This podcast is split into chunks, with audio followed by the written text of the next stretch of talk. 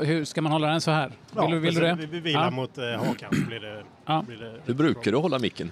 Ja, men det är olika vad olika tekniker vill ha. De säger, Nej, det tror jag inte på. Jo, det är det. Lyssnar du på teknikerna?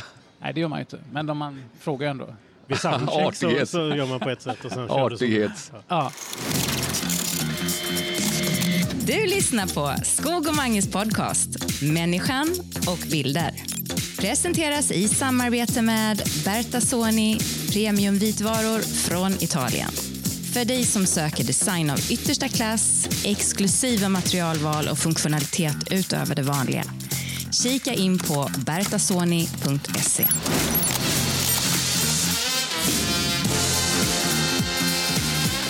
Men du Mange, det här är avsnitt 26 av podcasten Skog och Mange, Människan och bilder. Är det någon gång vi ska försöka sätta bilden av var sitter vi, hur ser det ut, vad är stämningen och känslan? Så är det väl idag när vi har en expert, Christian det här Olsson. Som, ju någon som verkligen kan beskriva saker i bilder. var är vi någonstans? Ja, vi är i Göteborg. vi är mitt i Göteborg. Vi sitter precis utanför den gamla saluhallen som är en tegelbyggnad som om man böjer sig bakåt, eller jag gör det och tittar på den så, så är det nästan omöjligt att inte tänka på när de upptäckte vilda västern i USA och drog de första järnvägsspåren. Det, den är som ett stort lokomotiv. Man väntar sig bara att saluhallen ska säga puff, puff, puff, och dra iväg. Ja. Och så finns, eller hur? Kan Ja, man inte få den känslan? det den, ja. Och så är det en smal, smal gata full med kullersten. De har varit i Halmstad centrum för inspiration och se hur man ska lägga kullerstenarna så att de ska vara gåvänliga även för folk med rullstol och rullator. Och så på andra sidan den gatan också ett gammalt hus som kanske är mer, mer av en om man tänker sig att man har en stor släkt, en moster som har ganska fina kläder men har lite problem att sätta läppstiftet på läpparna så att det skvätter runt lite. Den sortens hus verkar det vara lite, lite mer yta än innehåll om man tänker så. Men det ligger i alla fall där och där inne finns det massa då onödigt dyra klädbutiker som du alltid gör i stadscentra nu för tiden. Ja. Och så är det många turister som går förbi, för det här är ett sånt där stråk som står i alla såna här turistbroschyrer. Missa inte saluhallen. Och vi var just inne där och du var på toaletten Ja. där inne Mattias. Det var en jättebra toalett gissar jag. Ja, när man väl kom fram så var det. Ja, från väldigt länge sedan kanske Ja. känslan var. Men det var en väldigt, väldigt trevlig miljö, eller hur? Det luk- luktade ost och var salami. Ja. Man, man blir glad direkt, man får ett leende på läpparna. man vill ha mat. Vad kul att vi får träffa dig här. Christian Olsson som är känd från Radiosporten, Karlavagnen, Sveriges Radio P4, mångårig journalist i radiosvängen. Ja, vad roligt att få lov att vara med i er fina podd. Eller säger ni podcast? Ja, men podd låter väl... Po- Podd är lite kortare, går snabbare. Det låter bra, liksom. tycker Ja, jag, jag jobbar med Ridpodden som Sveriges Radio har och tillsammans med Maria Gretzer, ridsportkommentatorn. Och så sa, när vi skulle spela in det för den första sociala mediefilmen och säga att vi, ska, vi är så glada för att vi har en podd ihop. Nej, sa hon som alltid lägger sig och säger. Det har vi inte alls det. Vad, vadå? Det, jag tycker, det, är väl, det är väl ändå en podcast vi ska ha? Jaha, okej. Jo, men det är ju samma sak, podd och podcast. Det är det väl inte? Då hade det väl hetat samma sak? Ja, men det är en förkortning, förstår du väl människa? Jaha, ja, ja, säger det tror jag inte det minsta på. Hon är en sån som aldrig har haft fel. Jo, en gång 1963 hade hon fel. Men då ändrade hon sig, så då, då fick hon rätt. Men du, gillar du inte dina kollegor? Jo, hon är härlig. Ja, pratar, ja. Men det är väl lite så det låter när ni är ute på Ja, eh, stora tävlingar och får mycket radiotid när ni nu pratar på. Liksom. Ja, det är väl det. Ja. Ja, hon är härlig. Podd. Ja. Men du, Podd. när jag tänker på dig så är nu den eh, som är bäst på att måla upp bilder. Och det är lite roligt. Vi, ja, det var ju snällt sagt. ja, det, ja, men jag tycker du är världsmästare. Oj. Ja, nej, men det är så imponerande att du kan förmedla så mycket bilder fast du pratar i radio. Jag har ju fått mycket, mycket skit för det. Eh, Jag har jobbat på Radiosporten i 25 år ungefär. Och alltså alla, alla uppgifter som några fler människor än en får eh, som eh, hemläxa att göra, så att säga, gör de ju på olika sätt. Alltså referera en fotbollsmatch, då gör de, de tio människorna som fått det uppdraget på olika sätt. Och eh, det, det, har, det har jag upplevt att det jag det har tagit en himla tid innan det har blivit accepterat att det går att göra det på kanske det som är mitt sätt då. Att man kan, eller att jag lägger ganska mycket tid eh, och ord på att försöka beskriva hur saker och ting ser ut för de som lyssnar på radio. För det är ju ändå där jag jobbar och alla som lyssnar på radio, det kan man inte komma ifrån. De ser ju inte, de är Nej. ju blinda. Ja. Alltså de måste ju få sån sådana ord och sådana meningar och sån informa information till sig vid, vid, sin radio eller vid sin skärm eller var de nu sitter. Så att de själva kan skapa bilder av verkligheten. För annars så blir det ju ingenting. Då blir det bara platt. Då kan man hålla på med text-tv eller vilken informationssajt som helst och läsa blablabla, tabell. Så kan det vara. Därför måste man ju som radioreporter, eh, tänker jag, alltså, jag är ju, skickas ju till olika ställen, snälla människor betalar resor, sätter där, beskriver vad som händer i fotbollsmatchen, ja, eller vad det kan vara. Och då gör jag det och då, då måste ju alla de sinnesinhämtarna som jag har, ögonen, öronen och, och alla de andra, de måste ju hämta sina intryck, föra upp dem till hjärnan och sen ska ju hjärnan skicka ut det via munnen utan att det finns massa hinder. Det ska ju vara motorvägar i stort sett här, Formel 1-banor. Annars så blir det ju inte äkta, annars blir det inte levande och annars får man ingen riktig möjlighet att skapa de där bilderna som lyssnare. Och jag, det, det, blir inget liv och det, det, vill vi ju ändå ha. Absolut. Tänker jag. Alla vill inte det. De hör av sig till mig, skickar mejl och skriver men för fan, följ bollen. Säg vad det står. Ja, men det gör jag ju också, ja. säger jag då när jag försöker svara dem. Mm. Så, ja. Jag är inte alls ute efter att få, få någon slags ömkan eller tycks synd om mig. Men så har, så har mitt yrkesliv varit till del. Att är det så alltså? Det har tagit sin tid Jaha. innan jag kan vara som jag är på jobbet faktiskt. Har folk blivit arga på dig genom åren menar du? Ja, herregud ja. ja. Jösses. Jösses. För att du... Ja, men för att det inte är som vanligt. Nej, liksom. Nej, för att det kanske låter på ett annat sätt och, ja, och sådär. Men, men det måste väl ha varit tvärtom också? Att folk, som precis Mange sa här, säger till dig att du berikar, du adderar någonting som inte jo, finns överallt Jo, nej, men så är det absolut. Alltså, jag, jag har förstått att jag är en av, en av de som får absolut mest respons från lyssnare flest, och, och, andra konsumenter av det som görs. Många som hör av sig och tycker till om, om hur jag har gjort det. Och alltså 96-97 procent är ju positiva.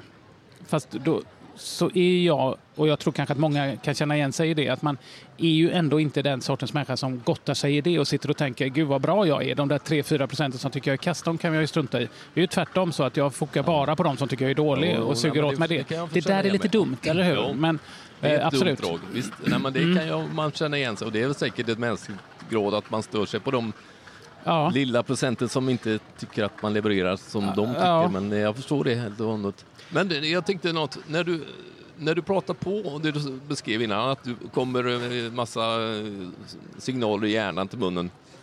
Det måste ju hänt att du pratar på på något sätt och sen, oj, det var dumt sagt. Ja, herrejösses ja. ja. Eh, för att uttrycka det så. Det, det, är ju också, det ligger ju också i det här arbetets natur som jag då har att jag gör ju en väldig massa matcher till exempel. Jag får ju så enormt stort tillfälle och utrymme att träna. Eh, och de allra flesta gångerna blir det ju pannkaka av det. ja, men det, det, blir ju det. Alltså det, det. det. som man eventuellt minns, alltså det är väldigt, väldigt få som sparar radioreferat och går tillbaka och lyssnar och tänker det här var bra. Det allra mesta försvinner ju bort som någon slags rutig gasbubbla. Vad var det? Det var radion. Det kommer en ny radio nästa sekund och nästa dag, nästa timme och så mm. kommer det en ny match och en ny nyhetssändning. Mm. Allting håller ju på sådär. Så det finns, finns ju rika tillfällen att träna verkligen och göra fel, fel, fel, fel, fel. Och det var ju, så, det var ju fantastiskt dåligt från början.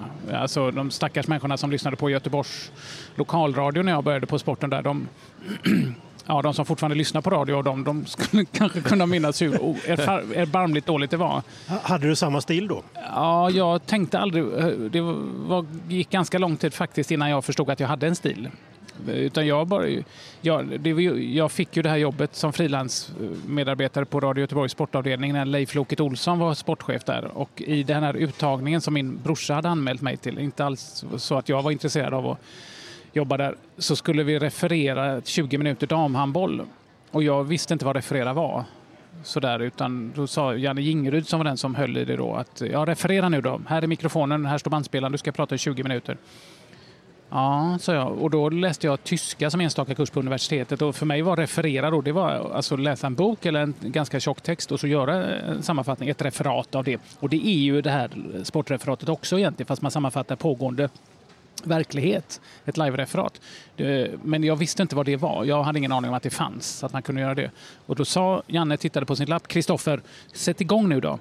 Eh, Christian, sa jag, eh, tyst så att han inte skulle höra det. Men jag, vad är det jag ska göra? Referera, ja vad är det? Berätta vad du ser. Jaha, är det referera? Jaha, och då, det, det, kunde jag, det var, det var ju bara att berätta vad jag såg.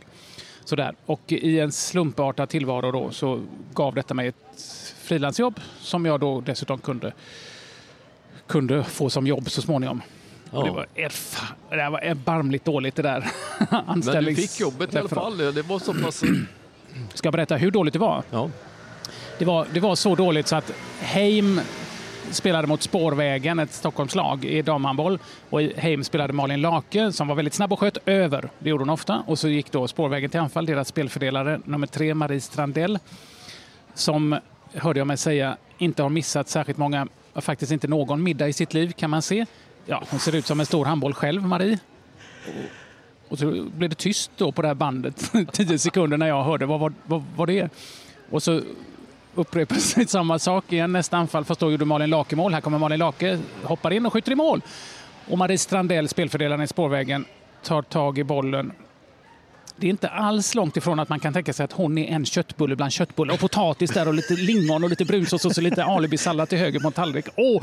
Så var det tyst i 20 sekunder och så gick jag med slokande steg därifrån. Så jag tänkte, ah, fasen det här var ju dumt. Det verkar ju vara ett roligt jobb det här. Ja, och sen, så, sen så kom det ett brev Eh, från, från Radio Göteborg då, några veckor senare där de sa att ja, de här två frilanstjänsterna som vi ska besätta, de går till Per Karl som fortfarande jobbar mm. på Radiosporten och Janne Östgärd som inte längre är bland oss då. Han var rektor på en skola i Härryda eh, och eh, lever inte längre då. Och så stod det, och dessutom, och så då läser, och det är ju alltså att ögonen läser ju lite före det hjärnan fattade, så stod, så, så stod det något om mig då och då var det ju två tjänster som skulle tillsättas och det var ju de två. Och så stod det, och dessutom har vi bestämt oss för att ge dig chansen Christian. Inte alls för att du var särskilt bra på den här uttagningen. Tvärtom faktiskt. Men välkommen den 17 januari Leif Loket Olsson. Ja, den och den adressen. Ja, Helt otroligt. Och då måste man ju fråga sig, vill man jobba på ett ställe där man kan få jobb när man är så värdelös på en anställningsintervju? Men du vill Ja, det vill man ju. Ja, ja, det, verkar ju vara så kul. Men på, vilken eh, grej ändå att du fick ja. jobb där. Ja. Verkligen, ja. helt obegripligt faktiskt. Men sen rullade du på för dig då, då jobbar du eh, mer och mer och mer och sen blir det... Ja. Men det var sport hela tiden? Nej, det var det ju egentligen inte utan jag, jag har kört morgonprogrammen på P4 Göteborg eh, i två år till mm. exempel också då när barnen var små de tre barnen. Jag gick och la mig så fyra, fem gånger per dygn för att hinna sova mellan deras lämningar och hämtningar på mm. dagis och allting och gick upp klockan halv fyra för att hinna till det här morgonprogrammet. Och förfärlig arbetssituation. Jag var alltid sur. Barnen sa, varför har vi en sån arg pappa, mamma? Varför är han alltid så arg? Jaha, jag har också undrat det, sa hon. Och, så, och jag insåg någonstans att jag var ju tvungen att sluta. Ja, ja, det var bättre. Eller kan jag inte få göra något annat? Jo, så kunde jag få börja med sport igen då. Men det är väldigt roligt att prova på det. Precis som jag håller på med Karlavagnen nu, lyxigt då, en dag i veckan. Eh, jag är en sån som gläds åt sånt, att inte få vara i samma fack hela tiden, Nej, stå och, och bräka i samma hage. Det ja. tror jag det, absolut, absolut. Ja, vi pratade lite grann om innan bandspelaren gick igång, just Karlavagnen som är ett fascinerande långkörarprogram ja. i Sveriges Radio lite grann på tal om bilder, det här att få bilder från olika delar av Sverige löpande varje kväll. Ja. Eh, du hade någon rolig episod igår. Ja, igår så var ämnet, det var första gången som jag jobbade med Karlavagnen efter semestern. Det har hållit på hela tiden, men jag har varit därifrån eh, några veckor då. Och då var ämnet, vad är det bästa med ditt jobb? Och då ringde eh, Marika från Töreboda in och sa, jo det bästa med mitt jobb är att jag bara får jobba med glada människor och glada situationer. Jaha, vad jobbar du med då, Marika? Jo, jag, aj, gud vad de kör här på vägen och så tutar hon. Oj, är du ute och kör bil? Nej, jag har parkerat här på väg hem från Tutbingon i Mariestad. Jag står vid den här festplatsen i Olsfors. Eh, och de kör som tokiga. Och det, det är förresten hit jag åker alltid till den här eh, festplatsen med min, mina partybussar som jag jobbar på. Jag är partyvärdinna. De kallar mig Disco-Marika. Oj, vadå? Vad?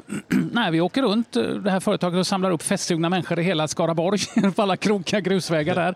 Och så fraktar vi dem till den här festplatsen och så underhåller jag i bussen och väljer musik och så på Spotify-listor och sånt och eh, skrattar åt deras väldigt torra skämt och sen så åker vi hem med dem också och då är jag där och är glad också. Och då tar resan mycket längre tid för då måste vi stanna när varenda åker i stort sett för då ska folk ut och göra sina behov där och sen så varenda Mm, gatukök måste vi också stanna vid och äta de största hamburgarna i hela världen som någonsin har tillverkats. Och sen dessutom kör jag limousin, den är nio meter lång. Kan du backa med den då? Ja, det är svårt på de här krokiga grusvägarna i Skaraborg, men vi måste ju i alla fall ut och köra folk dit de vill. Det är förresten den enda limousinen i hela Skaraborg, ja, tror jag hon sa också. Dis är... Disco-Marika, fantastisk bild direkt ur verkligheten. Ja, ja härligt.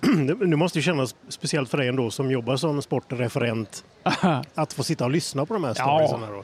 ja, eller jag som är människa ja. och har den lyxen. Det är, alltså, Karlavagnen är, det är inte så himla många ställen ändå där folk, folk vem som helst får chansen att, att prata sju, åtta, eller om det är fem eller tre eller nio minuter. Ja, det finns ju Ring P1 och det finns andra mm. sådana insända program på lokala kanaler också. Men det är inte vanligt. Det är alltid några experter som ska fram och det är alltid på ett visst sätt. Men eh, vanliga människor är ju ändå vanliga människor. Ja, hur funkar det när, när du lyssnar Får du bilder i huvudet också nu? Till ja. Disco-Marika till exempel. Ja, eller får du känsla, får, känner du lukten när du luktar när hon är ute och jobbar på nätterna? Ja, det kan inte lukta gott i den där bussen när de åker hem, tänker jag. Nej, det blir inte bra. eller hur? Nej, nej, det blir inte bra. Det, ja, jo.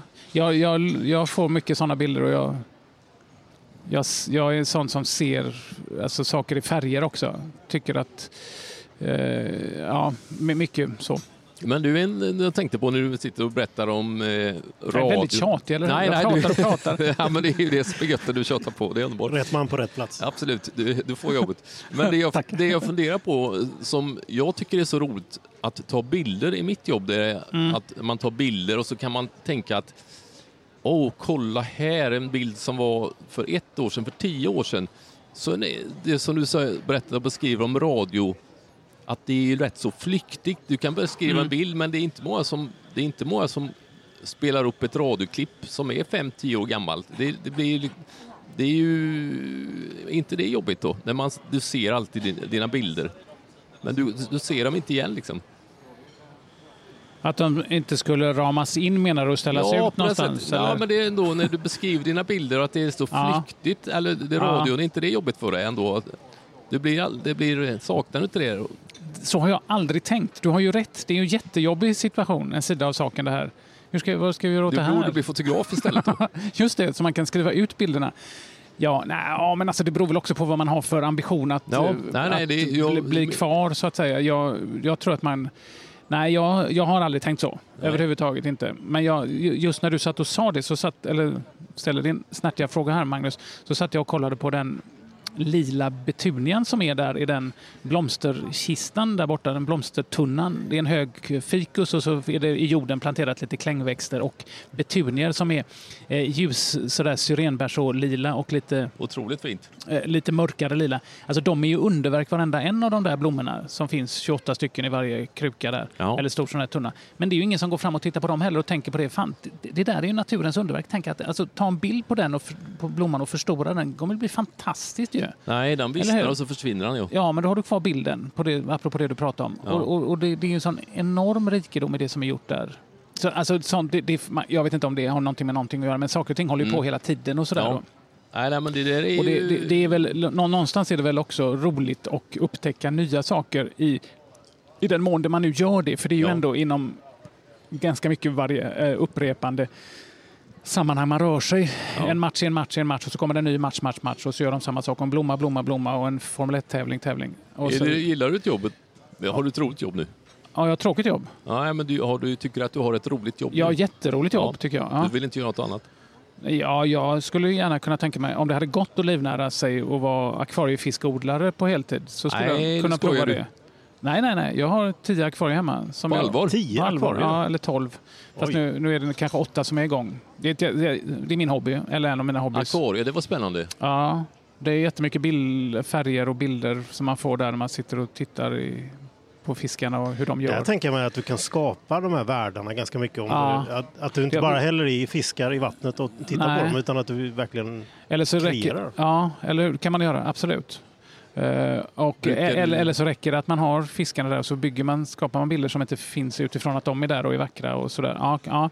Nej, men alla möjliga håll och kanter kan det dra sig åt. Det Hur kom det sig? Ju, nej, ja, det har alltid, varit, alltid haft akvarium. Eller ja, det var ju jag, som alla barn i stort sett. Nej, du får inget djur. Okej då, du kan få ett akvarium, sa mina föräldrar när jag var nio år. Jag hade tjatat att få en hamster. Det var ju himla skönt att slippa en av alla dessa plågade hamstrar som skulle springa i sina hjul. Sen, sen så kramas till döds av de här små barnahänderna. Men i alla fall så fick jag ett akvarium då och det blev en hobby för mig. Och framförallt så, som jag har haft med mig. Framförallt sen mamma då efter ett halvår sa att om du ska ha kvar det här akvariet får du göra någonting med det. det är, nu sköter jag det ju helt och hållet. okej, okay, okej. Okay. Så tog jag det på allvar och förstod vi vad fantastiskt, hur fantastiskt det var. Och det, extremaste som det ledde till för mig var att jag hade ett företag ihop med en kompis som hyrde ut akvarium till offentliga miljöer eh, som heter Akvarieleasing. Finns fortfarande kvar. Har, har till exempel byggt de där stora runda akvarierna i det där köpcentret ja. i Halmstad om ni är bekanta med det. Ja, det vet jag faktiskt. Och, och så är grundidén då att vi, vi eh, bygger akvarierna, levererar dem och så åker vi runt och sköter dem sen också. Då. Mm. Till exempel så installerar vi ett 1500 liters akvarium på Ringhals kärnkraftverk. Oj. och det sprack ju naturligtvis. Oj då. Ja, det är väldigt många liter vatten som rinner ut då i bjälklaget där då i den här utställningen. Ja, då lärde vi oss också att staten försäkrade sina fastigheter för det skulle bli för mycket att betala i premier. Så det var en oförsäkrad fastighet som vår ansvarsförsäkring då fick träda in. Oj, oj, oj det var väl ändå bra gjort?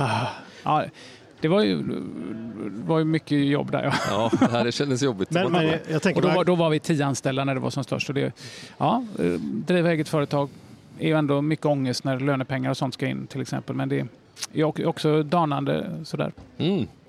Jag tänker mig rogivande måste det ju vara att ja. titta in i ett akvarium när du kommer ja. hem från eh, en slutspelsmatch i, i hockeyn eller någonting, något riktigt dramatiskt spännande. Det finns ju ganska många undersökningar, vetenskapliga undersökningar som visar att blodtryck sjunker på människor som sitter och betraktar akvarium i fem minuter eller mer längre tid.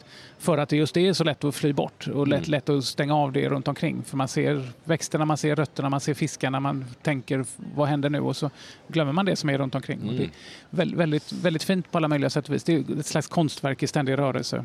Men du, vi måste ju fråga, sitter du och refererar någon gång vad som händer i akvariet? Ja, det är klart. Det gör du? Ja. Eller, jag, eller beskriver vad som händer. Det gör jag. Gör du Ja, jag, jag gör det väldigt ofta. vi, vi sitter vid ett gångstråk här nu där det går förbi massa människor och jag sitter ju och beskriver lite grann för mig själv hur, de är, hur det kommer sig att det bara är norrmän som kör bil här till exempel och gärna åt fel håll. Ja, det var en svensk husbil som faktiskt kom körande åt fel håll. Det här är ju ingen bilgata väl egentligen? Eller det kanske det är? Jo, det tror jag ja, det är det också. Det är, ja, det, ja. Ja, sånt där håller jag på med samtidigt som jag svarar på dina frågor om då bilder. Mattias. Ja. Hela tiden? Ja, mer eller mindre. Gör du det? Nej, är det inte stressande för dig? Jo, men jag, som du märker så tappar jag ju tråden ideligen också. Med det jag säger och det beror ju på det då. Men jag kanske inte gör det hela tiden, men Nej, jag, jag hinner, nog, ändå, ändå tänka. sitter och, och, och oavsett vad som händer. Jag tänker, ja. vi hoppar tillbaka ja, lite faktiskt, grann. Ja till det här med att eh, möjligheten, svårigheten med att spara referat, minnesbilder. Det, det, finns ju undantag och det är de här klassiska referaten. Det ja, japaner, både, japaner och sånt där. Ja, ja, Och, du, och du själv har ju några, jag vet att Zlatan gjorde mål, det här klassiska målet eh, mot Ungern borta tror jag, en VM-kvalmatch. Det är ju inte jag en kalenderbitare. Just det. Ja, men det, det finns sådana. Det var ju det målet jag inte såg.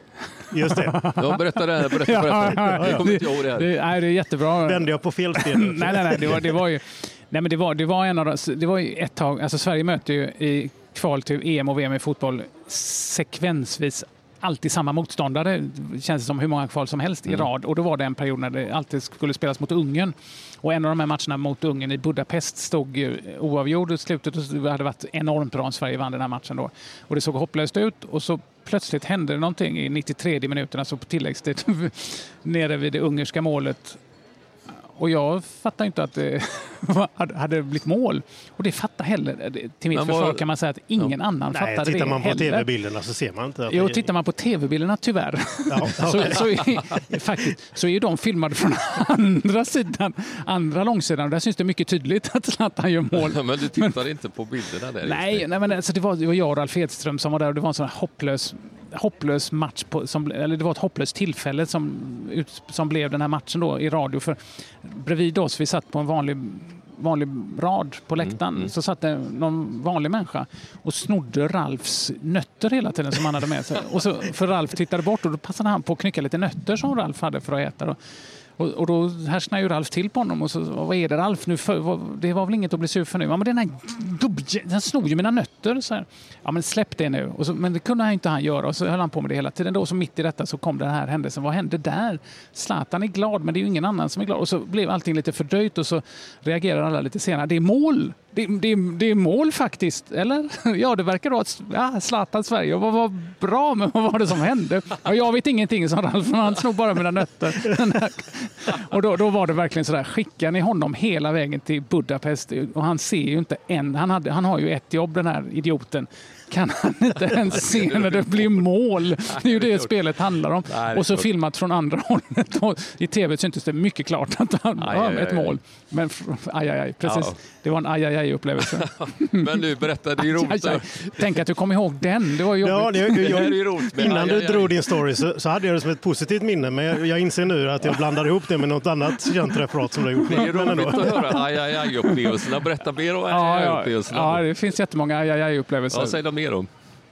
Eh, nej, men alltså precis i början när jag hade fått jobb på på lokalradion så hörde de av sig från Riksradion. Då var det tydligt uppdelat sådär. Och, och på Riksradion på Radiosporten i Göteborg så jobbade Thomas Simson, Leif Larsson och Peter Gylander, högt ärade medborgare, fenomenalt skickliga medarbetare på Sveriges Radio. Eh, och eh, intresserad av sitt jobb. Däremot helt ointresserad av att åka till Floby på lördagar och arbeta med volleyboll. Har ni varit i Floby? Nej, jag tror faktiskt inte jag varit i Floby. Nej, många säger så utan att veta att de faktiskt har varit i Floby. För att det går så väldigt snabbt. Så, nej, jag ja, tror okay. inte Jo, du var precis i det Floby. kanske man har varit då. Ja, det är en, en liten ort. Nej, jag överdriver nu. Ja. Förlåt alla Flobyiter. De är ja. ju fantastiskt bra i volleyboll. Ja, det har de varit. och de har ett riksgymnasium, så de får många talanger dit och allt sånt där. Floby.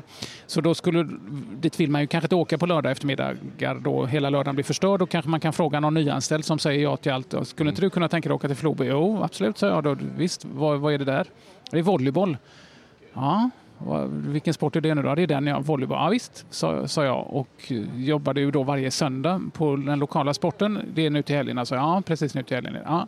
Och så på lördagen då, den här helgen, så gick jag hemma och dammsög ödmjukt i lägenheten där jag bodde och så tänkte jag, undrar hur det går på V75. Vi har ju spelat V75. Jag slår på radion, för det gjorde man då. Man kollade inte text-tv eller, eller travsändningarna, utan man lyssnade på radio. Och säger programledaren för Sportextra och rätt V75-rad efter två avdelningar är alltså 2-1. 2-1, så jag tittar på min lapp. Det hade vi ju inte då. Nej, skrynkel, skrynkel, kasta den. Och när det gäller de avgörande matcherna i herrarnas elitserie volleyboll så leder Lidingö över Ultuna med 2-0 i set, fortsätter programledaren att säga. Och när det gäller matchen Floby mot Örkeljunga så har vi ännu ingen kontakt med vår utsända reporter i denna Västgötametropol. Och då går jag där och dammsuger och tänker, slarvig människa, det där får inte hända imorgon när jag ska dit. Och så spelar de en låt och så efter låten kommer programledaren tillbaka och säger exakt samma sak. Och Floby-matchen, helt utan information. Hör av dig, utsända människa där. Och då kände jag så här, äh, vänta nu, hur stor är sannolikheten att de spelar en match på lördagen och en match på söndagen?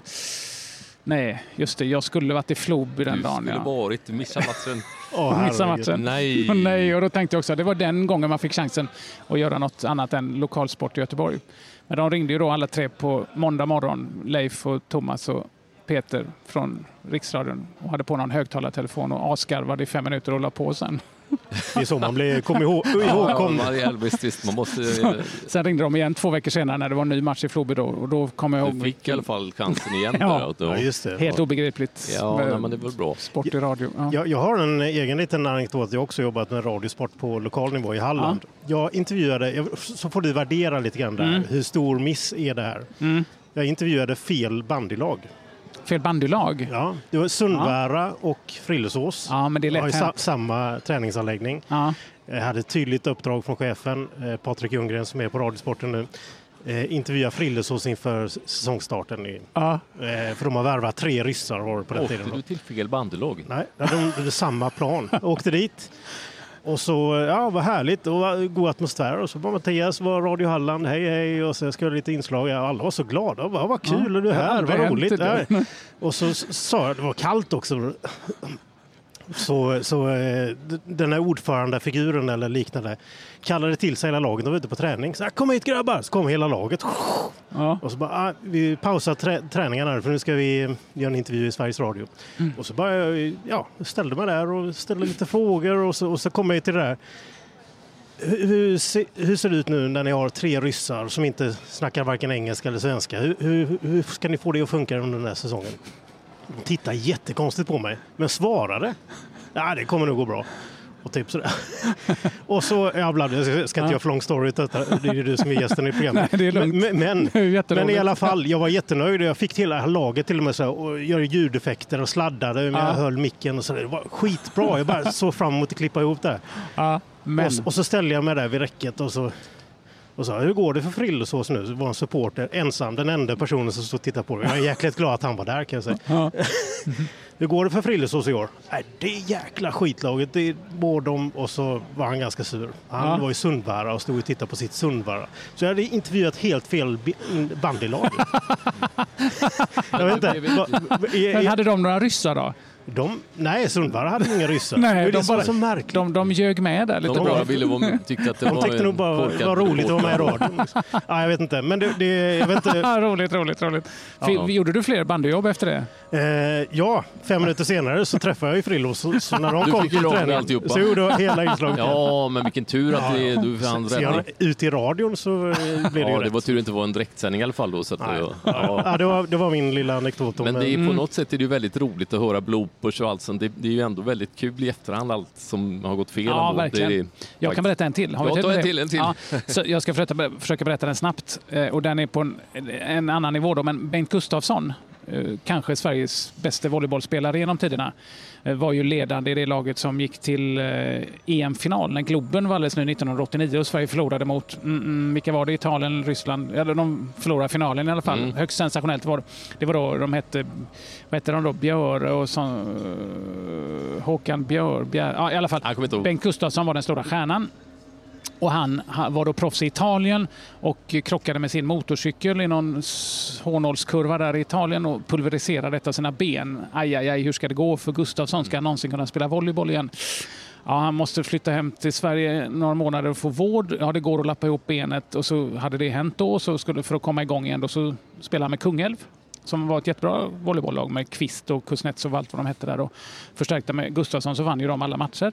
Eh, och han, han var grymt bra och blev bra igen. Och det här var ju den svängen då, slutet på 80, början på 90-talet. Och han, han haltade lite med benet höll. Och så eh, var han ju så himla bra. Så jag, jag gjorde mycket volleyboll då var där på många matcher. Så kände jag att fan kan inte intervjua Bengt Gustafsson igen här nu då. Men, men konstigt att inte göra det. Så Jo, Bengt, har du, tar ett snack efteråt så skulle vi göra en intervju då. Och så var, i direktsändning och Loket var programledare och när han säger att nu blir ska vi ägna oss åt volleyboll en stund så säger jag Bengt vi byter. Du är jag och jag är du. Ja visst, sa han. okay. Tänk att han säger ja visst i det läget. Så ja. då fick han mikrofonen och, så, och hörlurarna och hörde vad Loket sa. Och här är då Kungälv efter segern mot eh, Lidingö med 3-0 i set. Och så började han prata Ja, det var egentligen inget snack här. Det var en stor och fin seger för Kungälv. Vi har med mig eh, lagets absolut bästa spelare, möjligtvis Sveriges bästa genom tiderna, Bengt Gustafsson. Eh, är du nöjd med din insats, Bengt, idag? Och så svarade jag då, som var Bengt, nej, jag vet inte om jag vill säga att jag är någon särskilt vass volleybollspelare. Jo, det är du. Så, och dagens insats, jag, många, många bollar som tog på fingertopparna, det var det väl inte? Och jag kunde satt, du, jaha, men du är väl ändå ganska nöjd med ditt, uh, ditt försvarsspel? Ah, sopa i försvaret tycker jag ändå att jag var. Och så, så, och, så, och så gjorde vi den intervjun på det temat och så avslutade han den och ja, Bengt Gustafsson, succémannen, säger alltså så i Kungälv. Och så hörde Loket att det var slut och så började han prata och så härligt, fy fan vad roligt och så skakade vi hand så där kramade varandra. Det var ändå lite roligt. Så Och så åkte jag tillbaks till radion och eh, så tog sändningen slut och så brukar man samla, brukade vi samlas då och snacka igenom sändningen om det var något särskilt och så frågade jag då i det sammanhanget var, apropå volleybollen, var någon som tänkte på något med intervjun där? Nej, det var, det var en helt vanlig intervju. Det var Bengt Gustafsson och du som du intervjuade Bengt Gustafsson. Jo, men tänkte ni på vad han sa? Nej, Ingen märkte någonting. Nej, men, Helt sjukt. Vi gjorde den intervjun ja. och han gjorde den på det bra viset då, så att det lät som en riktig intervju. Ja, ja, ja. Men att det är möjligt. Ja, helt sjukt och det var totalt misslyckat. Och jag träffade honom då förra året, Bengt Gustafsson, 25 år senare och han sa, det första han sa, vilken dålig intervju vi gjorde som blev så bra som ingen märkte. ingen märkte. Nej men det är inte sant. Ja, ja, men helt var, sjukt. ja, men lite deppigt ändå. Helt, Alla vill helt bortkastat. och vi tyckte vi hade världens prank. ja. Gud vad roligt det här är. Ja. Och det var det ju inte. Nej, vad deppigt. Ja. Att det pajar lite. Ja, jag förstår. förstår. Ja. Nej, men det bygger upp med bloopers i alla fall. Ja. Härligt. Du, du åker ju på många stora evenemang. Det är OS, det är VM, EM, alla mm. de där stora turneringarna. En grej som jag har tänkt på lite grann när det gäller oss kollegor i branschen, alltså folk som jobbar i mediebranschen på de stora evenemangen. Mm. Det är att framförallt tv-bolagen släpper på stora kameror, tunga grejer, det är mm. lampor, mm. det är sladdar, det är stora team. Och så glider det in en kille från Radiosporten med en liten eh, handväska med en mikrofon, mm. max.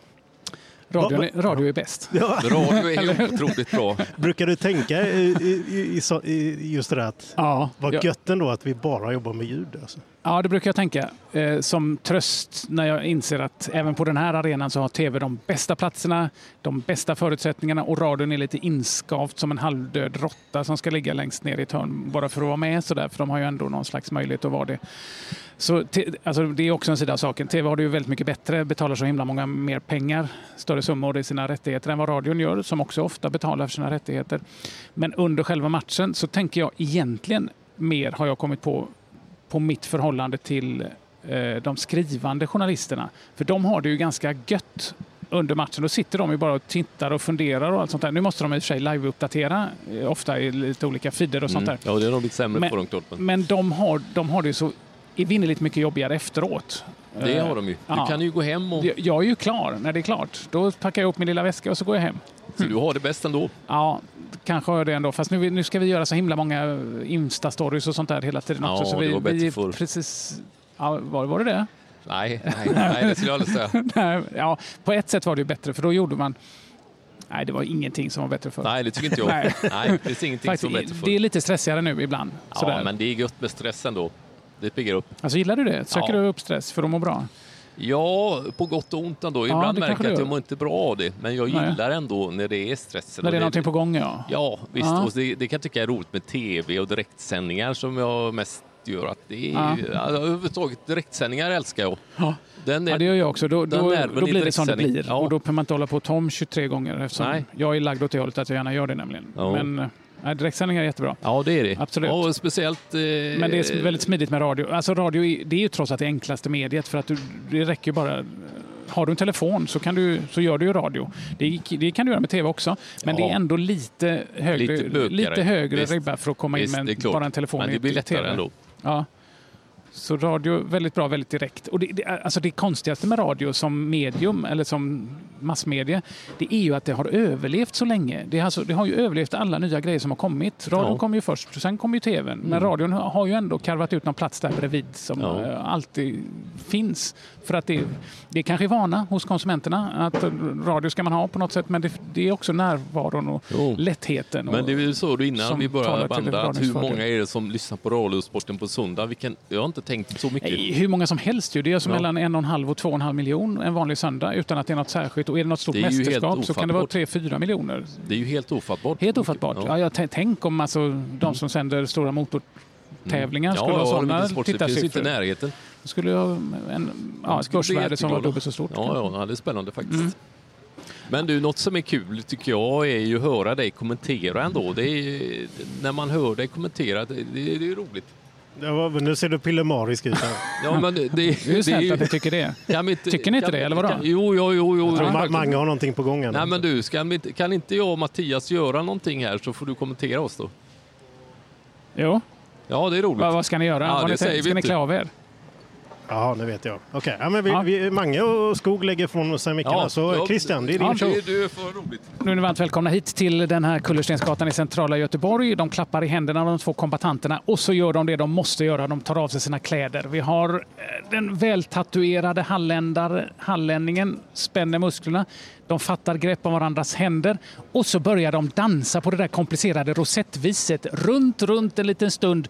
Och så, men har ni, verkligen, har, ni, har ni inte repeterat det här? Är det, är det här verkligen spontant, säger publiken. Men så tar de tag i varandras leder och bänder loss och hittar det där överraskande greppet, huvudet under armen. Och sen så är de lyckliga för nu får de två poäng av domarna och så kan de gå vidare och dricka sitt kaffe och kommer ju ändå kanske dra in så mycket pengar så att frun blir nöjd till slut. Ja, det är ju därför man håller på. Ja, faktiskt. Man vill ju göra sin fru nöjd. Vad var det ni gjorde? Ja, det var en spontandans tyckte jag. Ja. Det var... Jag tänkte att det var kamp. Kamp. Det var snygga ja. tatueringar du har. Ja, tack snälla. Tack snälla. Ja, Magnus, vad, vad föreställer de egentligen? Du, detta är ju en... Eh... Båda armarna är alldeles fulla. Detta är en resarm och detta är fotografarmen. Ja. kan man se. Här kan man se ett, ett ankare, en tv-monitor, en sån här negativ film. Det här är min film. favorit. Slightly out of focus, det är det man inte ska vara som fotograf. Nej. Jo, men det är känslan när man har tagit en bild. Och så en sån där Salvador Dalí-klocka som ja. ligger lite hälld över en kant. Vilka fina tatueringar. Har du några tatueringar? Har du, har du gjort dem själv? Nej, det var inte... ah, nu blir det ett aj, aj ögonblick. Aj, aj, aj, det var inte så jag menade. Har du inga tatueringar? Nej, inte en enda. Nej, varför inte det? Nej, jag har, eh, jag har aldrig... Jag har, aldrig, jag har varit nära att göra det. Och du har Linus på linjen också. Ja. Den tecknade figuren ja, där, un, under det stora skeppet Cutty Sark som åker förbi där med bra vind i seglen. Och så luftballong, eller en ja. zeppelinare. Nej, en luftballong. Ja, och så en liten labyrint. Du har ju allt på dina armar. Ja, visst. visst. Nej, men jag är klar nu faktiskt. Jag har gjort dem. Eh, nu är jag nöjd. Jag var nära att tatuera en marsupilami. Eh, ni vet det där fantasidjuret, Frankins tecknade serie Spiro Nicke. Det, ja, just det. det ja, just det, leopardprickiga djuret med den långa svansen, marsupilami. Men det, var, det kändes inte som att han ritade först, men jag kände att nej, den ska jag inte ha. Så närmare än så har jag inte varit. Nej, men det blir snart. Ja, det kan det bli. Underbart. Faktiskt. Ja. Har era barn tatueringar? Ja, min son, min äldsta son har en tatuering faktiskt. Det har han. Ja, av dig i profil? Nej, pappa är ju inte så mest populär skulle jag säga, så jag tror nog att det blir nog inget. Nej, okej. Okay. Nej. Våra barn har heller inga, eller de har inga tatueringar. Jag... Nej. jag vet inte. Ja. Men du, är du lite, vad skulle du uppskatta det eller bli arg eller ledsen om Nej, det? absolut inte. Jag tycker det är snyggt. Ja. Du har ju jättefina tatueringar. Tack snälla. Ja, Tack snälla. Verkligen. Men du, vad du tänker dig, har du gjort allting? Har du några drömmar kvar i jobbet? Uh, ja, ja, Du har ju gjort så ofattbart mycket grejer. Ja, och jag är jätteglad för det och djupt tacksam. Mm. Och jag, jag drömmer alltid om att få, att få göra en match till. Sådär, för att jag tänker att jag fortfarande håller på, eller för, eller för att göra en sändning till, göra en Karlavagnen till. Och titta, nu kommer det en kör gående så här med massa människor som märker ni att de knolar på olika toner och tittar på oss allihopa. Är det, ingår det här i intervjun? De här färgglada människorna som kommer ja, här? 20, vi har 30. arrangerat alltihopa Aha. faktiskt. De har spännande frisyrer allihopa i violett och burr. Ja, hej hej. Nej, de stannar inte. Nej. Nej, vad roligt. Eh, jag, nej, men jag, jag, drömmer om att få, få fortsätta att göra samma sak som jag gör nu för att kunna bli bra på det. För jag tycker ju inte att jag är det. Så jag hoppas att jag ska kunna... Och jag, jag, jag blir fortfarande lika glad, lika omfamnad av situationen när jag kommer till en, till en idrottsarena eller till en plats var som helst och ska göra någonting. För, jag, för det, det är ett sånt glädjerikt jobb och jag, jag har sån tur som får ha det jobbet, tänker jag ofta. Och jag, jag gör mig inte till när jag tänker det. Det kan man ju ibland säga att oh, jag har världens bästa jobb och så måste jag jobba med att jag verkligen ska behålla den här nyfikenheten och glädjen och se det för första gången. Och allt sånt där. Men jag behöver, känner inte att jag behöver göra det för jag tycker att det är så du kul. Du tycker om det så genuint ändå. Ja, är det, men är det, jag är, så är det sporten att jag får i sig med. eller få beskriva det du ser, liksom berättandet? Ja, det, jag är ju i grund och botten sportintresserad så jag tycker ju att det är väldigt roligt att kolla på sport. Och, och jag tycker att det är klart när det är klart. Jag behöver inte sitta och kolla på tabeller och sånt där och statistik eh, är ju någon slags kräkmedel naturligtvis. Det är djävulens påfund. All denna statistik, alla varvtider i Formel 1. Man kom igen nu om det är 2000 delat till fördel för McLaren mot Ferrari. Vad spelar det för roll? Det är ju ändå no, pannbenet det handlar om ja, till slut. Men det är ju klart, man kan ju inte bortse från det tusendelarna Nej, jag, i sport heller. Nej, jag vet. Jag vet men välja, välja fram de mest relevanta och sen sätta andra bilder. Jag vet, jag vet. Men jag blir så trött på det. När man, alltså allting är ju statistikiserat nu, liksom, ja. eller nästan. Så det kan jag bli trött på. Men själva livet, själva sporten, den är där ju hela tiden. Och jag, när matchen börjar, wow, och när den är slut, ja då var den slut. Jag behöver inte hålla på och älta det mer. Sådär. Men det Nej. du sa nyss här, det var att du fortfarande inte har så bra självkänsla kring Nej, det, det du gör. Det, det, förvånar mig ja. väldigt mycket. Det borde man väl borde ja. inte känna det? Det här kan jag, jag är duktig på det. Nej, verkligen inte. Verkligen inte. Jag tycker att det och jag ty, jag, man, man, vi, de, vi, säger ofta att vi ska lyssna på oss själva så där, när vi har gjort något på, på jobbet för att man ska kunna se vad det som är, som möjligtvis går eller ja, i mitt fall definitivt då, går att förbättra. Sådär, och vad som faktiskt kanske också var bra. Sådär. Och det är en pina för mig varje gång jag lyssnar på mig själv, för jag hör bara saker som kan förbättras. Det är ungefär de här procenten vi pratade om tidigare, 96-4 eller vad vi sa att det var. Är de du så positiva. självkritisk då? Ja, ja, ja verkligen. Men vad jobbigt. Ja, ja, det är jobbigt. Ja. jobbigt. Men det är också en drivkraft att, man, att försöka få det bättre hela tiden. Jag, jag vet, är, är ni nöjda med, med jobbet som ni gör ofta? Nej, men det här blir väldigt intressant. För ja, det gör det faktiskt. Man tänker på motparten, eller motpolen till det du säger. Ja. Att folk som kanske kommer till det här jobbet, till den här bandyhallen för 71 gången ja. och känner att ah, jag kan det här, jag kunde det redan för 20 år sedan. Ja. Det blir ju inget riktigt bra resultat till det heller. Det Utan det, det gäller ju verkligen att brinna för det. Så att jag förstår drivkraften om det för dig framåt. Ja. Men är det inte vanligare att vara sån när man har hållit på länge? Att, nej, det här kan jag.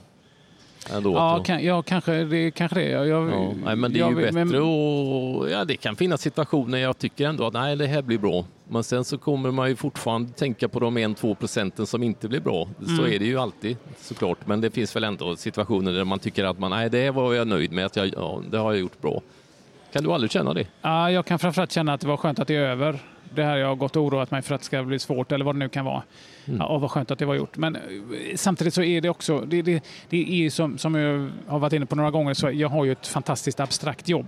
Det är ju inte det minsta konkret någonstans nej, egentligen. Nej, nej, det, är, det är, ju väldigt mycket känsla mm. och, och, och det är kanske så att människor som håller på med sådana jobb kan göra i stort sett vad som helst. Samma människor som tycker att de gör bra grejer tycker att, de, att det är bra oavsett vad de gör och de som hatar dem tycker att det är kast hur bra den är. Mm, så, mm, och, och, det är någon slags fälla kanske var jag också men jag tycker, jag tycker aldrig att jag gör något som är riktigt bra.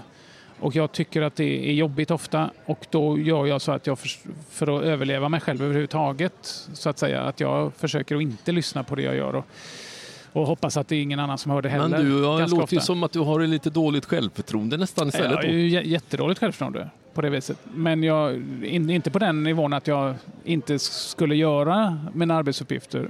Utan är det själv, jag har aldrig lärt mig skillnad på självkänsla och självförtroende eller vad det nu heter. Det kan ju alla andra. Det kan säkert ni också. Nej. Nej, men alltså det, det jag, jag, jag, jag har dåligt inte dåligt självförtroende på det viset att jag inte skulle göra det igen. Inga problem, jag gör det såklart. Men jag har ingen bra självupplevelse kanske. Jag kanske är självkritisk eh, mm. i onödan, kanske snarare. Ja, ja. ja, ja det är jobbigt för dig. Ja, Dåligt. Det, eh, det, det, kan, det, kommer i skov också sådär. Ibland är ju ingenting bra. Det är ofta i november är det, fy fasen vad dåligt det här lät nu då. Nu måste jag sluta lyssna på mig själv. Och vad menar jag egentligen med det här? Och sådär. Ja, mm. Ja, Då är det både något bra och något dåligt att det är en ny match imorgon. Imorgon kväll är det ny sändning. Ja, det är väldigt bra. Ja. Det är väldigt bra sida. Mm. Alltid saken, att det finns alltid en ny chans. Men om man då fastnar i och hela tiden betonar något namn fel eller retar sig på att man hör sig själv. Alltså, när det är lyckligt så ska man ju koppla bort den här inre kritiken den ska, ju, den ska ju aldrig få någon, något bränsle såklart, men det är väldigt svårt att göra det. Mm. Eh, och sen vet man då, jag har inga problem att, att, välja bort eller tänka bort de här yttre kritikerna, alltså de som sitter vid sina tangentbord redo att skriva hur värdelöst allting var och rekommendera saker på apoteket att köpa för att få slut på det här lidandet eh, eller vad det kan vara. Eh, men den inre kritiken är väldigt mycket, väldigt mycket svårare att handskas med för mig. Mm. Jag tänker på en sak, sport. Vi pratar mycket om sport även om du jobbar med annat också. Det ja. har ju en inneboende inre dramaturgi. Mm. Och det är klart att en, en, en match eller en, ett sportevent, en tävling, ja. kan ju både vara slätstruket, grått, det händer inget, inget sticker Nej. ut, favoriten vinner, inget annat i övrigt. Och så kan det ju vara totalt kaos och helt fantastiskt mm. Mm. dramaturgiskt. Påverkar det någonting, din upplevelse av ditt arbete också, vad som faktiskt händer? Ja, ja klockrent gör det det. Alltså ett, ett dåligt referat när Sverige vinner en avgörande match blir ju ändå bra för att resultatet blir bra. Sen kan, spelar det nästan ingen roll hur bra referat du gör om resultatet går emot de flesta människornas uppfattning. Det, det är ingen som tycker att det är något särskilt ändå. Det prisas inte på något morgonmöte efteråt eller noteras inte någonstans utan jävla vad, vad dåliga de är i anfallsspelet Sverige. Öh.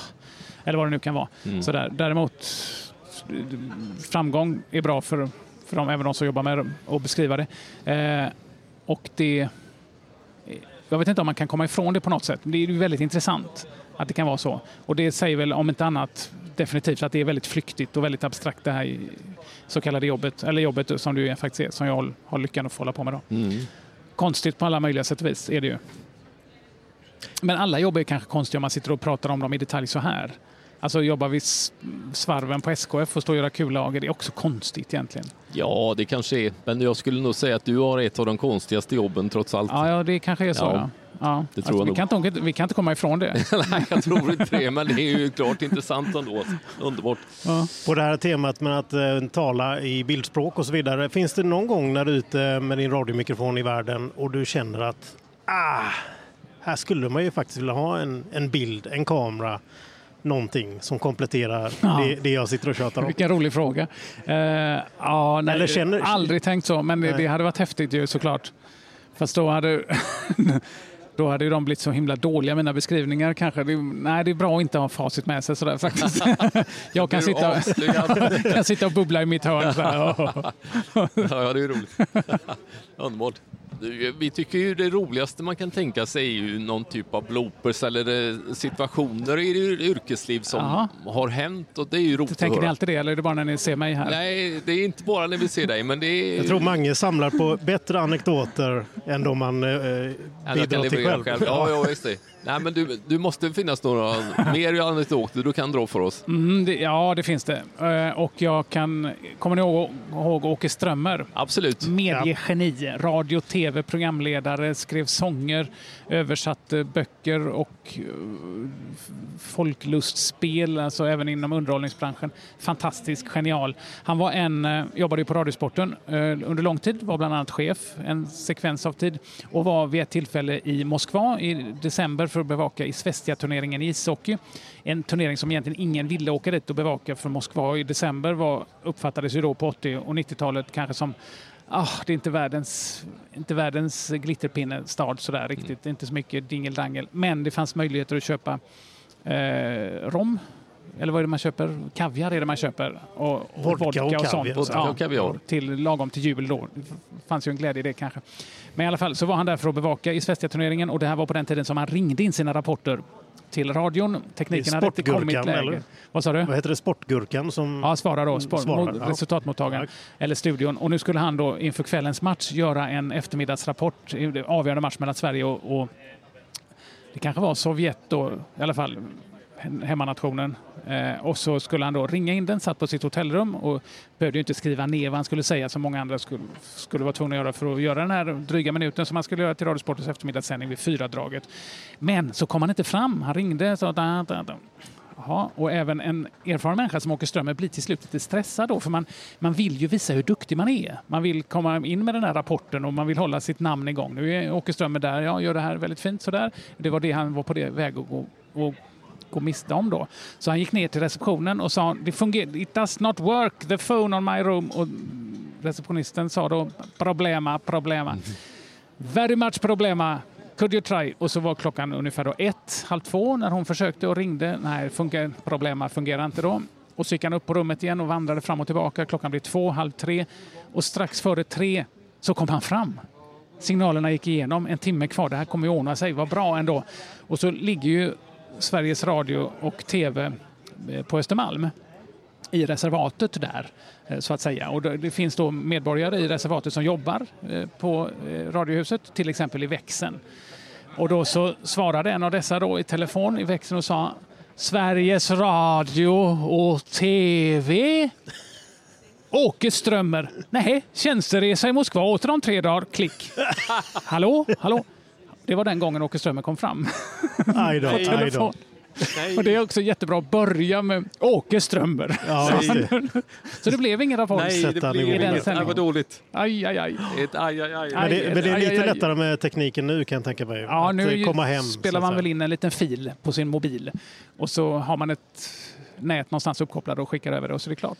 Hur är det att vara reporter på Radiosporten? Är det konkurrens reportrar emellan? Vill man synas och vill man vara ett namn? Eh, det vill man vara. Eh, det är mycket, mycket, jag har jobbat där i 25 år ungefär och det är väsentligt mycket bättre nu på den fronten. Nu det, finns det en kollegialitet som är positiv så att vi stöttar varandra. Och, eh, det finns ju till exempel mer än en kvinna anställd nu eh, det kanske spelar in. Nu är det ju fem, sex kvinnor. Det är långt ifrån jämlikt, men det är på väg åt rätt håll jämfört med hur det har varit. Eh, och det är inte samma konkurrens, samma tävlan om att få göra de där finaste uppdragen. Eh, alltså en medelålders vit man leder redaktionens arbete så, så, som det fortfarande är på alla sportredaktioner i landet ungefär. Och då är det fotboll, ishockey, friidrott, stora motortävlingar och det där traditionella som är de fina evenemangen, de som alla vill göra, som alla ska sträva efter. Det var mycket, mycket tydligare förr att det var det. Och det var först då du var, var något, när du fick göra mm. det.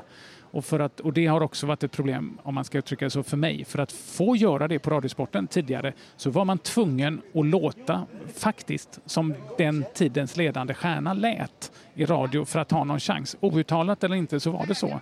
Och det, alltså, radiosporten är ju ändå en sån institution i samhället. Den är inte inte samhällsdrivande eller samhällsbärande kanske, men det är ju ändå personligheter som Sven Jerring, Lennart Hyland, Lars-Gunnar Björklund, Tommy Engstrand, Lasse Granqvist som var den stora stjärnan när jag var där, i, i rakt nedstigande led som har varit de ledande personerna. Och när, när jag började där så var det då Lasse Granqvist eh, och lät man som Lasse, då hade man enligt den chefen då en bra chans att få göra de fina matcherna. Jag lät inte som Lasse, fick inte göra de fina matcherna. Men det ledde också till att många andra reportrar började ju härma Lasse och låta som honom då för att få, få in soundet och få möjlighet att göra de här fina uppdragen. Det tog ganska lång tid innan jag eh, ett fattade det och två i ett annat ledarskap, då, ett modernare som kom så småningom, fick möjlighet och plus att de andra slutade som gjorde de fina matcherna, gör att jag fick börja göra de finare matcherna också då. Vilket jag aldrig hade strävat efter egentligen sådär, utan det, det blev bara så. Men du, är det så, är det så att folk härmar dig nu? Har du, tror du att det är, det måste vara, du måste inspirerat många andra?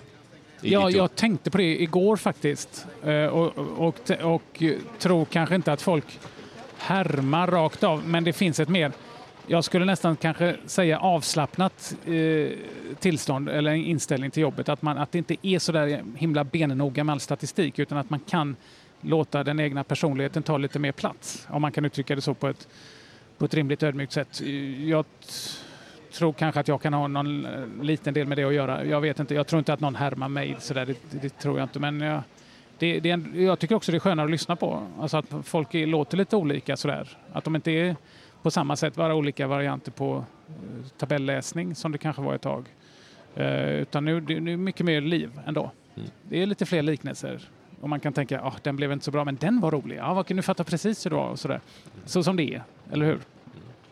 Samlar du dina liknelser i en bok inför och tänker när det kommer ett tillfälle här att beskriva den här situationen så drar jag den. Eller är det live där och då? Vad, ja, vad du ser framför dig? Det går ju så fort faktiskt. Så att man, eh, ett referat så man kan inte ha med sig något nedskrivet sådär och säga nu, oj nu hände det, nu var har jag där, där, mål, fantastiskt, han får den på rumpan. Alltså, det, det går inte. Däremot så är det någon slags förberedelse i att se massa saker upprepas som i en fotbollsmatch. Där kommer de ju springande på högerkanten och ner mot hörnflaggan och missar även det inlägget. Fantastiskt vad snett det är. Är det djupseendet som är problemet eller vad är det? Är det någon slags annan kalibrering av sinnen?